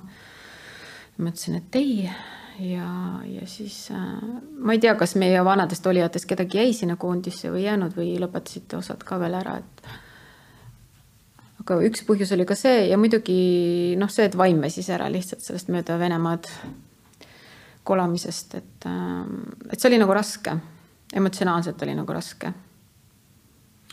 koduigatsus tekkis tihtipeale või? no ma ei tea jah, kuidagi see, see vene, vene inimes, noh, Venemaal, mööda Venemaad käimine ja suhtlemine vene keeles kogu aeg ja, ja kuidagi see kuidagi, kuidagi murdis mind, murdis ära mind. aga seda mõtet ei äh, olnud, et noh, see oli kaheksakümmend kaheksa aasta. noh, see paari aasta pärast tuli ju juba Eesti Vabariik, no üldse kõik need tuuled hakkasid ju pöörduma. no siis veel väga neid tuuli veel pöördunud ei olnud, et siis, kui ma juba ära lõpetasin, see hakkas kaheksakümmend üheksa, siis hakkasid no jaa, tuuled, ütleme, tuuled pöörduma. peale paari aastast pausi oleks võinud tagasi tulla, Eesti oli üheksakümmend kaks ise olümpial oleks saanud juba minna ja minu arust oli laskesuusatamine naiste omas kavas juba ju. ja aga, aga siis ma olin juba. Krista Lepikud ja kõik, kellega sa ju noorest peale seal koos sõitsid, olid ju, olid ju olemas seal koondises. ja aga siis mul oli juba laps ja siis ma tahtsin lapsele olla ema. et see isegi ei tulnud nagu kaalumisse kordagi, et võiks sporti tagasi tulla? kas keegi ei kutsunud ka või mm.? Sa olid ju nii noor alles tegelikult ju. no jaa, aga siis, siis oli kuidagi see vanus oli täpselt selline, et oligi õige aeg nagu lõpetada, praegu on niimoodi, et vaatad kolmkümmend, kolmkümmend viis sõidavad veel. aga siis oli juba kaks, juba kakskümmend neli, kakskümmend viis olid, siis juba hakkasid nagu vanaks spordi jaoks olid nagu juba natukene nagu vana. jaa, ikkagi no tipptaseme, ennist rääkisime siin Smetaninast ja Kulakovast ja minu mälupildis nad nägid välja nagu viiskümmend viis umbes, eks ole no.. ja need tegelik vanus ilmselt oli kuskil kolmkümmend võib-olla ka sõitsid võib-olla jah. Et, et, et selles suhtes jah, et, et, et ma imestan, et, et kui ütleme, Eesti lõpuks sai vabaks, et Eesti spordijuhid ja selle, selle ala juhid ei, ei pöördunud sinu poole, et kuule, et no ma ei tea, äkki tuleks tagasi, sest et noh, okei okay,, paar aastat vahele, see põhi oli ju ikkagi olemas, et sealt oleks saanud ju noh, edasi ehitada midagi. Mm, ma ei mäleta, et keegi oleks nagu hirmsasti nüüd hakanud kauplema või, või keegi oleks üritanud nagu ära rääkida, et, et tule tagasi. seda ma arvan, et seda vist ei olnud. loobumise otsus selles suhtes tuli kergelt, et sa ütlesid, et noh, see murdis sind ära, see seal käimine, et see oli nagu kergendus, kui sai ära lõpetada. jah, ma arvan küll Ehm, kui raske või, või no kui raske võib-olla polegi õige sõna, et, et, et kuidas see, ütleme, tavaellu üleminek äh, sinu jaoks läks, et äh, üks asi on see, et sa oled aastaid sõitnud mööda neid laagreid, võistlused, noh, siukest tavainimese elu ju pole saanudki tegelikult elada ja siis nüüd ühe korraga, siis saab kõik läbi ja hakkab mingisugune tavaelu, et, et äh, kuidas see sinu jaoks läks? ma arvan, et, ma arvan, et ta läks suht valutult kuidagi, ma nagu mm ma ei mäleta, et oleks nagu sellest probleeme olnud. et pigem oli ta nagu elu normaalne jätk, ütleme niimoodi. sest paljude jaoks ongi just see, see moment on nagu kõige keerulisem, kuidas sellest karjäärist välja tulla ja mida üldse tegema hakata. no võib-olla see, et kui sa oled enda jaoks nagu läbi mõelnud, et sa ei, enam ei taha teha, et sa nüüd oled äh, lõpetanud ühe asja elus ja lähed, hakkad midagi muud tegema, et et kui sa nagu suudad selle endale nagu kuidagi selgeks teha, et et elu läheb ju edasi, eks ole, ja, ja otsid endale muud väljundid siis ja muud eesmärgid. kuidas äh, Aita ja Tõnu reageerisid sinu lõpetamisele? Ma arvan, et mõistlikult või sa neile ei öelnudki niimoodi, et või ei andnud nagu, ei andnud võimalust reageerida, tähendab? nojah, niimoodi ei olnud nagu tänapäeval, et oh, nüüd on viimane võistlus ja lõpetame ja. karjääri, eks ole, ma nagu vaikselt lahkusin. areenilt. areenilt, jah, just. kui sa läksid ala juurde tagasi, et mis seisus äh, Eesti laskesuusatamine oli, et, et see on sihuke huvitav alaliit olnud äh, kogu aeg, kus äh, nagu sihuke see aparaati pole nagu kunagi olnud, et nagu öeldakse niimoodi naljajuuks, et metsas kännu otsas tegeletakse sellega.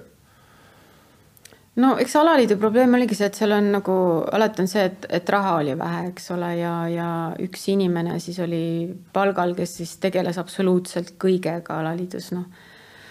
et, et see, see oli nagu keeruline natukene ja veel, et kui sul, kui sul ei ole nagu pakkuda nagu rahalist tuge koondistele, eks ole, et nad saaksid oma laagrid ära pidada, normaalsed treenerid palgata, noh, et see on, see on nagu aastaid olnud see probleem, et. õnnestus seal midagi ära teha, sa olid kaheksa aastat juhatuses, kas sa ise tunned, et sa suutsid äh, midagi anda sinna? Äh, ma ei, ma ei tea, kas ma nüüd alaliitu suutsin anda, aga ma arvan, et ma suutsin anda spordiklubi peatlonile ja Tõnu Pundile, et nad saaksid normaalseid treeninguid jätkata, et äh, sain neid aidata, ma arvan, kahe aasta vältel, et, et nad saaksid oma rahaasjad. kahe aastat, kahe perioodi vältel vist? sa olid ju kaheksa aastat olid seal ja.. jah, jah no see on vist kaks juhatuse perioodi mm -hmm. sisse läheb ja, ja, ja. jah, ühesõnaga sai spordiklubi mm -hmm. sai nagu aidata, et äh, võib-olla on mingi nõu ja jõuga ka, et. aga siis väsisid ära või äh, enam ei kutsutud? ei, ma arvan, et äh, eks siis oli õige aeg, et, et tuleks juhatusse uut verd, uut verd, värsket verd, kellel on uusi ideid, mõtteid, mida teostada ja ma arvan, et praegune juhatus on kindlasti äh, väga motiveeritud, et ja ma usun, et, et, et, et läheb paremaks kindlasti. no, no sa ilmselt noh ikkagi oma ala jälgid ja, ja, ja tead ju, mismoodi asjad seal on. kuidas sa hindad praegu seda üldse seda laskesuusatamist Eestis, ta on nagu tänu ETV ülekannetele ta on ju väga populaarne, noh, seal näiteks ka seesama Otepää võistlus, millest me siin jutuajamise alguses äh, rääkisime. aga nagu huvi on, aga taset nii kõva võib-olla ei ole, et, et, et miks meil ei kerki uut Kaia Parvet kuskilt välja? raske küsimus Äh, tegelikult kui noh, kui järelkasvu praegu vaadata neid lastevõistlusi, siis on meeletu mass on tegelikult äh, võistlustel on ka noortematele tehtud see õhk püssist laskmise võimalused ja ja tegelikult järelkasvu nagu oleks, eks ole, aga tegelikult on meil, mulle tundub, et on treenerite põud on, kes neid noori suudaks nagu edasi viia, sest, sest praegu tegelikult ainuke treener, kes suudab seda järelkasvu nagu viia, on nagu noh, järelkasvu tipptasemel, eks ole, noorte ja juuniorides, siis on ainuke treener on Tõnu Pääsuka praegu, kes seda on suutnud teha, nii et et mis sealt edasi saab, et kui nüüd need noored väljuvad juunioride klassist, et see on nagu probleem, et, et kui, kas nemad leiavad väljundit endale, et kus nagu edasi harjutada või jääda oma treeneri käe alla. nii palju, kui ma praegu olen kuulnud, siis äh, see uus koondise treener, Valgevene treener. jah, Svoboda. Svoboda on, on äh, väga motiveeritud ja väga ambitsioonikas treener ja ma arvan, et, et äh, tal on, tal on väga palju anda sportlastele ja, ja noh, ühe hooaja pealt ei saa teha nagu järeldusi, et ma arvan, see on üle tüki aja esimene treener, kes, kes, kes nagu tegelikult suudaks nagu selle meeskonna korralikult tööle panna ja mul oli laupäeval, noh, me teemegi seda saadet nüüd järgmine nädal peale seda etappi. mul laupäeval oli võimalus äh, Sobodaga teha esimene pikem intervjuu, ta polnudki siin Eestis intervjuuid andnud mm. -hmm. väga meediapelglik äh, mees tegelikult. Aga, aga meil õnnestus seal jutule saada ja istusime Pentagoni seal all, äh, noh, Tehvandi hotellis tähendab siis tänapäeval. noored ei saa küll aru, millest jutt käib, kui Pentagon ütelda yeah. aga aga seal all ja, ja, ja jättis küll väga-väga hea mulje nagu, et see, mis ta rääkis, kuidas teha, mida teha ja mm. kõik see. et, et nagu võimalused tundub, et oleks olemas küll nagu noortel, et kui oleks ainult kedagi, kes, kes teeksid, et ega praegu ka koondise äh, sportlased on paljud ähm, sellises, kuidas ma ütlen, nagu õrnas eas ehk nagu, nagu sellest east juba üle läinud, kus sinagi juba lõpetasid, eks ole, et, et kunagi ei tea, millal, millal see piir ette tuleb seal neil ma arvan, et kui treener on piisavalt motiveeritud, siis äh, need, kes võib-olla mõtlesidki see hooaeg, et jätaks nüüd selle viimaseks, siis äh, ma arvan, et nad, ma loodan, et nad jätkavad ikkagi, et. kuidas sa võrdled äh, sinuaegset laskesuusatamist ja praegust laskesuusatamist, et kui erinevad need sinu arust on?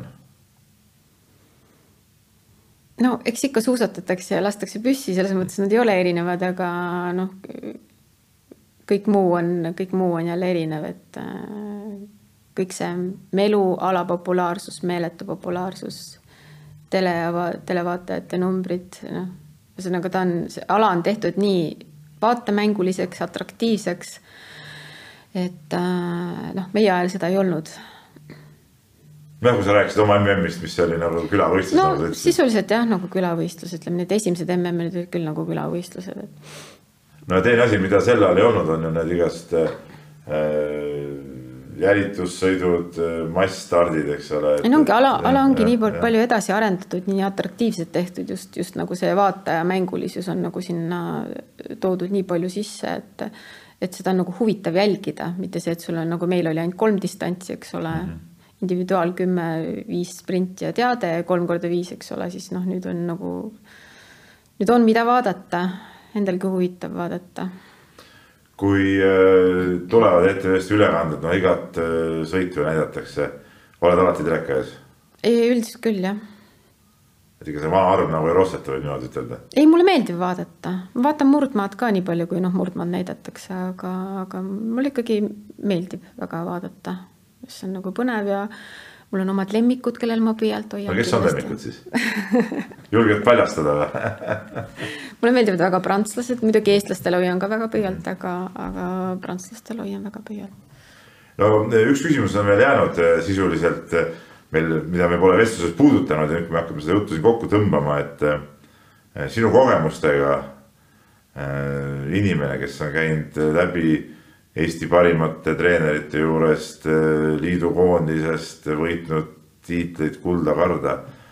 kas sa pole tundnud sihukest moraalset kohustust ise üles kasvatada uus põlvkond ja hakata treeneriks äh,?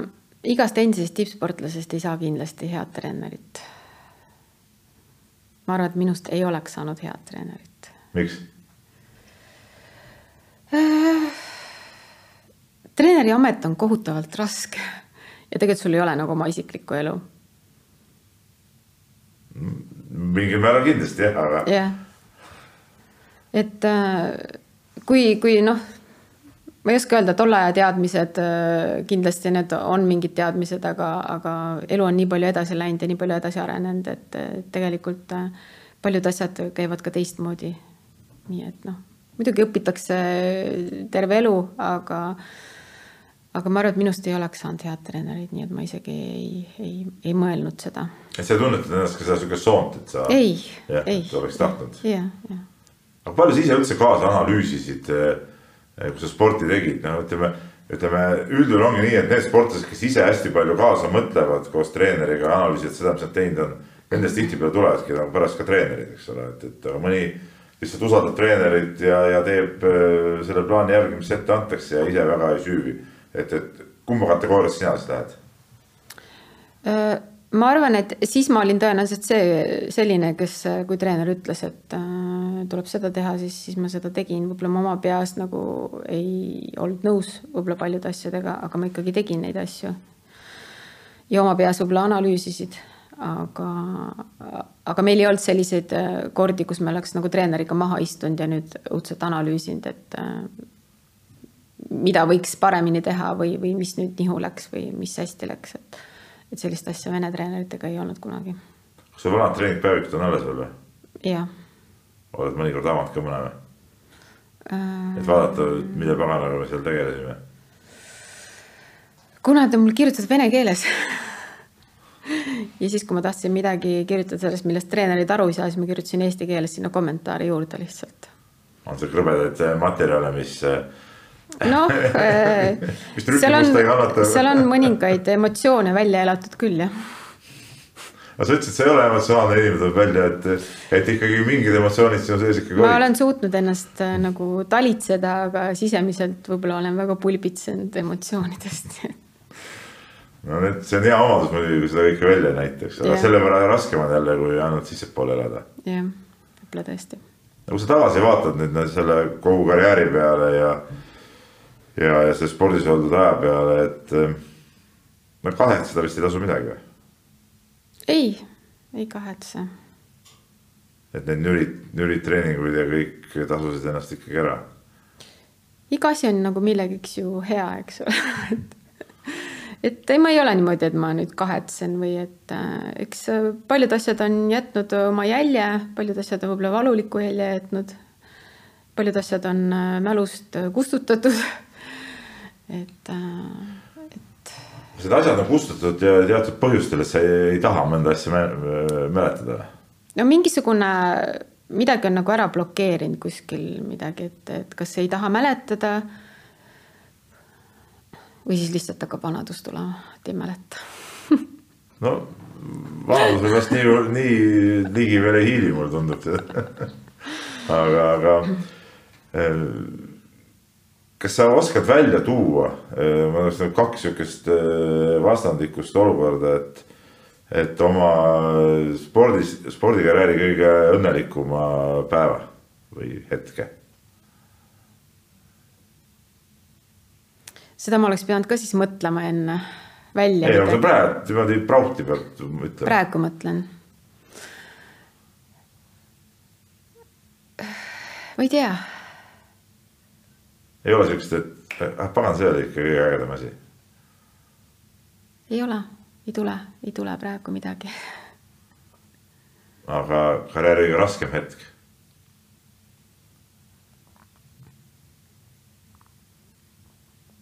ära blokeeritud. kõik on blokeeritud no seda raskust siis ikka pidi seal omajagu olema, kui neid blokke nii palju peal on eks seda kindlasti oli no naised on, noh, kui tulla korra emotsionaalse, emotsioonide peale ja noh, okei okay,, see naiste-meeste võrdlus ei ole alati hea ja paljudele ei meeldi, aga. aga naised paratamatult on võib-olla natuke emotsionaalsemad, et, et kas selliseid pisaraid ja asju käis ikka selle spordikarjääri juurde ikkagi paratamatult ka päris palju või? Äh, eks neid jah, ikka oli, et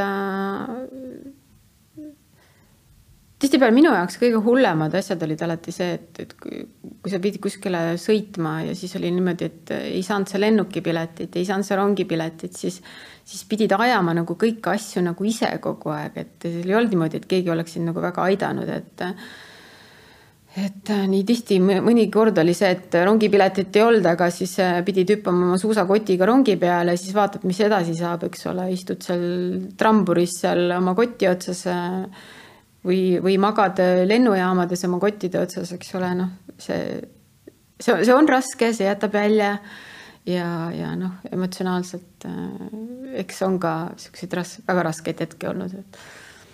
aga no omamoodi elukool on see ju igal juhul. see on väga karm elukool, et, äh, et selles mõttes ma arvan, et see elukool on tulnud pigem nagu kasuks praeguses elus, et. et kõik need asjad, mis praegu on ütleme, ütleme tavaelus või tavatööl näiteks kuskil tulevad ette, siis see on nagu, nagu öeldakse nagu kukesupp selle kõrval, mis, mis toona tuli läbi elada. jah, kindlasti, et äh, et nagu ei löö, löö põnnama noh, mingite raskuste ees, et pigem nagu üritad nagu kõigega hakkama saada, et.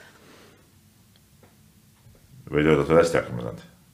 ma arvan, et ma olen hästi hakkama saanud selle optimistliku tõdemusega on, ma arvan, hea, hea lõpetada, et me oleme siin nüüd päris korraliku aja maha rääkinud, et väga-väga tore oli vestelda, et ei olnud, ei olnud midagi nii, et, et, et ei ole midagi rääkida, nagu sa alguses eh, tagasi tõrjusid enda seda jutuajamist, et, eh, et suur tänu tulemast sulle kõigepealt ja. aitäh kutsumast.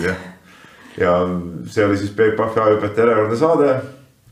järgmine kord on siin jälle keegi teine külaline ja vaadake meid jälle. Peep Pahvi ajahüpped tõi sinuni Unibet, mängijatelt mängijatele